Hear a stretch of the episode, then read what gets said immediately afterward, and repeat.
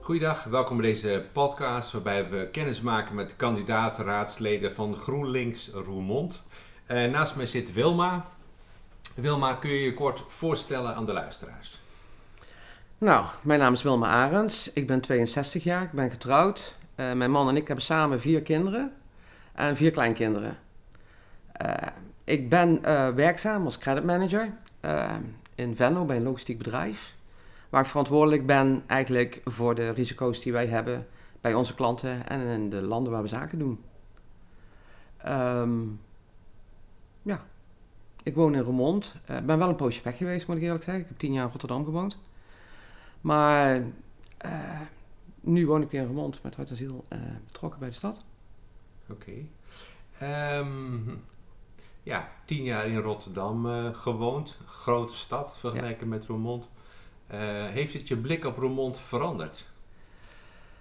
Uh, heeft het mijn blik veranderd? Uh, gedeeltelijk. Ik woonde wel, moet ik zeggen, in een buitenwijk van Rotterdam. Dus het was toch wel een beetje dorpsgevoel. Mm -hmm. Niet zozeer dat je in een grote stad woont. Ik werkte wel in Rotterdam. Ehm, ik heb toen wel gemerkt dat als je in Roermond komt, wat wel een beetje, toch een beetje dorpse dingen heeft dat dat in Rotterdam dus niet uh, zo is. En dat, uh, ja, dat, dat het leven anders loopt. Sneller, harder dan wat wij hier gewend zijn eigenlijk. Mm -hmm. Kun je daar wat voorbeelden voor noemen? Ja, dat kan ik wel. Um, er wordt uh, met, ja... Ik kwam in Rotterdam werken en ik, ik had daar een baan en ik zat daar aan tafel en als Limburger zit je daar dan aan die tafel en dan komt iemand naar je toe en die zegt dan tegen je van... Nou, ik vond dat je dat echt shit gedaan hebt, lijkt helemaal nergens op, ik wil dat je dat vertalen anders doet. Ik zat echt zo aan de tafel met mijn handen eraan vast. Ik was niet gewend aan die complete directheid die daar uh, is. Dit is ook niet alleen direct, maar ook vrij onbeleefd, toch? Ja, maar het was echt wel heel direct. En ik moet wel erbij zeggen, ik heb het hier over de jaren tachtig. Dat was mm -hmm. toch een beetje andere tijd dan nu. Mm -hmm. Ik denk dat dat nu niet zo acceptabel zou zijn. Toen lag het toch allemaal een beetje anders. Mm -hmm. Um, goed, in ieder geval weer terug in uh, Roermond, ja. oud en vertrouwd. Uh, je bent lid geworden van GroenLinks uh, twee jaar geleden, heb je me verteld. Waarom heb je die keuze gemaakt? Waarom nu en waarom GroenLinks? Nou, ik heb eigenlijk gekeken een beetje naar wat ik belangrijke thema's vind in mijn leven, om het zo maar te zeggen. Mm -hmm. Dus um, ik heb gezien met vrouwengelijkwaardigheid bijvoorbeeld. Uh, ik, omdat ik zelf altijd fulltime gewerkt heb met kinderen, mm -hmm. ben ik tegen heel veel barrières aangelopen. Mm -hmm. um, dingen wat je helemaal niet kunt voorstellen tegenwoordig. Kun je daar eens een voorbeeld van geven om het wat concreter te maken? Ik ging uh, voor de eerste keer solliciteren en dat was in 1986. En ik kwam bij dat bedrijf en ik moest een medische keuring doen voordat ik die baan aan kon nemen. En ik moest met name mijn urine inleveren. Mm -hmm. En dat, daar werd in gecheckt of ik zwanger was, ja of nee. Mm -hmm. En tijdens het gesprek wat ik dan had, werd dan ook duidelijk aan mij gevraagd van... Uh, ben je van plan om uh, nog kinderen te krijgen? Mm -hmm. Want dan, uh, ja, dan kunnen we hier niet, geen plek bieden, dat gaat niet. Potentieel economisch bedrijfsrisico. Ja. Je zou zwanger worden en ja. Daar gaat de nieuwe medewerker. Ja, dat, dat werkte zo. Mm -hmm. En uh, ik zeg, daar kun je op vandaag bijna niets mee voorstellen. Want gelukkig is dat wel in de loop van de jaren veranderd. Maar het is, ja, die dingen gebeuren, maar ook je familie. Uh, dat jij fulltime werkt, je krijgt toch dan de feedback van moet dat? Uh, je moet eigenlijk bij de kinderen zijn. Wij als vrouw zijn eigenlijk de zorgende factor. Heb je, volgens de meeste mensen. dat je je echt hebt moeten verdedigen, heel ja. vaak voor dit soort zaken. Klopt, heel erg zelfs. Mm -hmm. Um, dat was vechten tegen iedereen. Uh, maar ook um, in je eigen gezinssituatie. Ik bedoel, mijn man is ook een product van zijn tijd. Dus ook op mijn ex-man dan in dit geval. Uh, hij was thuis opgevoed, echt met het idee... jij gaat werken en jouw vrouw zorgt. Dat is hoe in die tijd dat ging. Mm -hmm. En uh, ook daar komt een verandering uh, nou ja, goed, ik heb gisteren het verhaal van de sokken verteld, een voorbeeld. De luisteraars waren daar helaas niet bij. Die waren daar niet bij, hè? Nee, nee, misschien kun je dat even aangeven, nog het verhaal van de verdwenen sokken. um, wij gingen samenwonen en uh, mijn toenmalige man had altijd de neiging om uh, s'avonds zijn sokken uit te doen en onder de tafel te gooien, onder de salontafel. Mm -hmm. Die kwamen daar te liggen. En dan liet hij die daar liggen. En er gebeurde verder niks mee. En ik had echt zoiets van, ja dag, daar gaan we niet aan beginnen dit. Mhm. Dus ik heb, de, ik heb dagenlang de stofzuiger gepakt en iedere dag die sokken opgestofzuigd. Mm Weg ermee. Mhm. Na een dag of tien kwam er erachter dat hij geen sokken meer had. En toen heeft hij tegen mij gezegd, heb jij mijn sokken gezien? Ik zeg, ik zou het niet weten. Heb je die in de wasmand gegooid dan? Nou, hij werd helemaal stil. Mhm. Hij is uh, naar de HEMA gelopen. Hij kwam terug met een zak met sokken en ik heb ze nooit meer gezien. Dat zijn van die dingen die, uh, ja, Emancipatie in het klein. Als je kijkt naar uh, Roermond, hè, je hebt een, een aantal initiatieven in Roermond die zich richten op emancipatie van vrouwen en misschien ook wel van andere minderheden. Zijn er dingen die jij ziet, nu in de twee jaar dat je terug bent, en je denkt, nou, dat loopt goed? Of je, en dingen zoals je het misschien wel ziet aankomen waarvan je denkt, dat moet anders, dat kan beter, daarvoor ga ik de politiek in. Uh, waar ik de politiek voor inga is inderdaad dat er toch nog wel wat moet gebeuren. Uh, we hebben nog altijd zoiets als een loonkloof. Uh, die duidelijk is dat vrouwen dus gewoon minder geld verdienen dan mannen. Mhm. um, als je kijkt naar de het, het economische zelfstandigheid, ligt bij 900 euro in de maand. Uh, er zitten nog altijd heel veel vrouwen onder. Mhm. Omdat ze tijdelijk, of omdat ze parttime werken of omdat ze ja, allerlei andere redenen hebben daarvoor. De zorg ligt nog altijd bij de vrouw. Mhm. En daar moet een verandering komen. Mhm. En dat moet ook een remont, dat moet overal.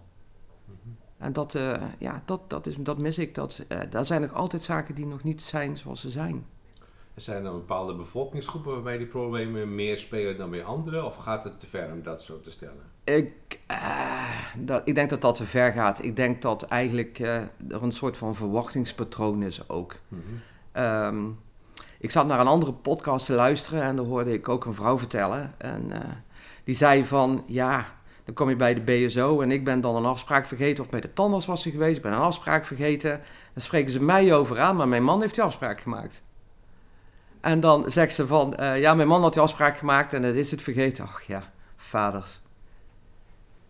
Dat klopt dus niet. Dat moet veranderen. Ja, misschien is het al een teken aan de wand dat de man de afspraak maakt en zij er naartoe gaat. Maar um, dat is een ander verhaal. Uh, emancipatie vind je belangrijk. Vergrijzing is ook een thema waar ik nog even kort met je over wil hebben. Ja. Um, ja. Nou, Waarom is dat zo belangrijk? Wat ik daar heel erg belangrijk aan vind, is dat ik ook zie dat er heel veel oude mensen uh, zijn oudere mensen zijn. Ik, eh, ik neem het voorbeeld van mijn eigen tante bijvoorbeeld. Die, de man is overleden. Ze is alleen, maar ze is goed genoeg om op zichzelf te wonen. Mhm.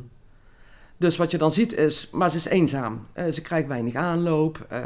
dus ja, dat, daar moet iets aan gebeuren. En ik, ik denk dat GroenLinks is een van de redenen waarom ik ook naar die partij daar eigenlijk mijn voorkeur ligt. Die kijken naar mogelijkheden om voor dit soort mensen meer bij elkaar te zetten. Maar dan, in het, vroeger had je bejaardentehuizen bijvoorbeeld. Mhm. En die zie je eigenlijk niet meer tegenwoordig. Nee, het systeem is veranderd. Het systeem is veranderd. Dus als je al een tehuis hebt voor mensen, dan is het eigenlijk al helemaal aan de achterkant van hun leven. Mhm. Voor dementie, dat soort zaken. Mhm.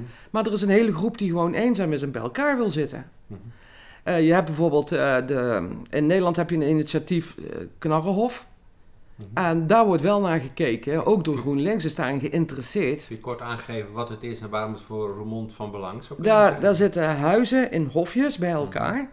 Uh, daar kun je, die kun je kopen, maar je kunt ze ook huren. Uh, die huizen worden eigenlijk um, zonder winstoogmerk ver, ver, verkocht en verhuurd. Mm En daar worden mensen, uh, oudere mensen die toch bij elkaar willen zitten, worden daar bij elkaar gezet.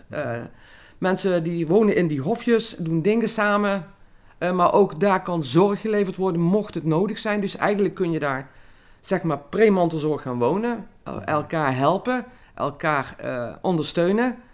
Het, het, je kunt met elkaar dingen samen doen, maar aan de andere kant kan er ook zorg geleverd worden. Zou je in zo'n hofje kunnen gedijen? Ik zou daar denk ik wel in kunnen gedijen. Ik heb naar voorbeelden gekeken. Dit is in Zwolle begonnen. Als je daar naar kijkt, is toch wel, ja, als je die mensen ook hoort, die zeggen ook van ja, het is hartstikke fantastisch. Want we hebben elkaar, je kunt op elkaar terugvallen. En ik doe nu dingen samen, wat ik vroeger niet had. Ik zat op een appartementje en ik zag niemand. Maar nu, je woonomstandigheden zijn nu anders, toch? Heb je me uitgelegd. Je woont eigenlijk vrij riant. Daarom vraag ik ook van, ja, het is heel fijn dat je dat wilt doen. En dat kan lopenswaardig, denk ik. Ja, maar ik zou je daar kunnen gedijen? Ik zou er wel kunnen gedijen, denk ik. Ik heb natuurlijk wel het voordeel dat ik niet uh, bij de eenzame groep hoor. Mm ik, uh, mijn man leeft nog steeds. Uh, we zijn mm nog altijd en ik heb heel veel familie om me heen. Mm Dus ik zit in een hele fijne situatie zelf. Mhm. Maar ik zie ook mensen die niet in die situatie zitten en die, voor die is het wel een oplossing. Oké, nou de betrokkenheid is wel, wel duidelijk, denk ik. Um, nog een laatste vraag, we zijn bijna aan het eind gekomen. Heb jij onder je vrienden ook stemmers op andere politieke partijen? Ja. zo ja, welke partijen zijn dat dan? Uh, nou ja, wij, wij zijn in onze familie bijvoorbeeld, we hebben hele discussies daarover. Uh, VVD die, die doet, de ronde in de familie. Mhm. En uh, onder onze vrienden um, moet ik zeggen dat dat ook voorkomt. en daar hebben we hele discussies over de onderwerpen. Tussen die, waar, wij, waar ik als GroenLinks achter sta, die ik heel belangrijk vind, maar ook die hun belangrijk vinden. Mhm. En die discussies zijn heel waardevol, mhm. want het wil niet zeggen dat als jij uh, eh, VVD stemt, dat je bijvoorbeeld uh, dingen niet goed ziet. Dat is niet zo. Jij kunt mij, we kunnen over onderwerpen hebben die ik misschien heel anders gezien heb, mhm. waardoor jij mij op een ander idee brengt. Want ik denk dat je samen moet uh, werken op die gebieden, want jouw belangen kunnen anders zijn dan die van mij. Je wilt het gesprek aangaan? Ik wil het gesprek aangaan, absoluut. Ja. Nou, ik vond het een prettig gesprek. Dankjewel. Succes met de verkiezingen. Dankjewel.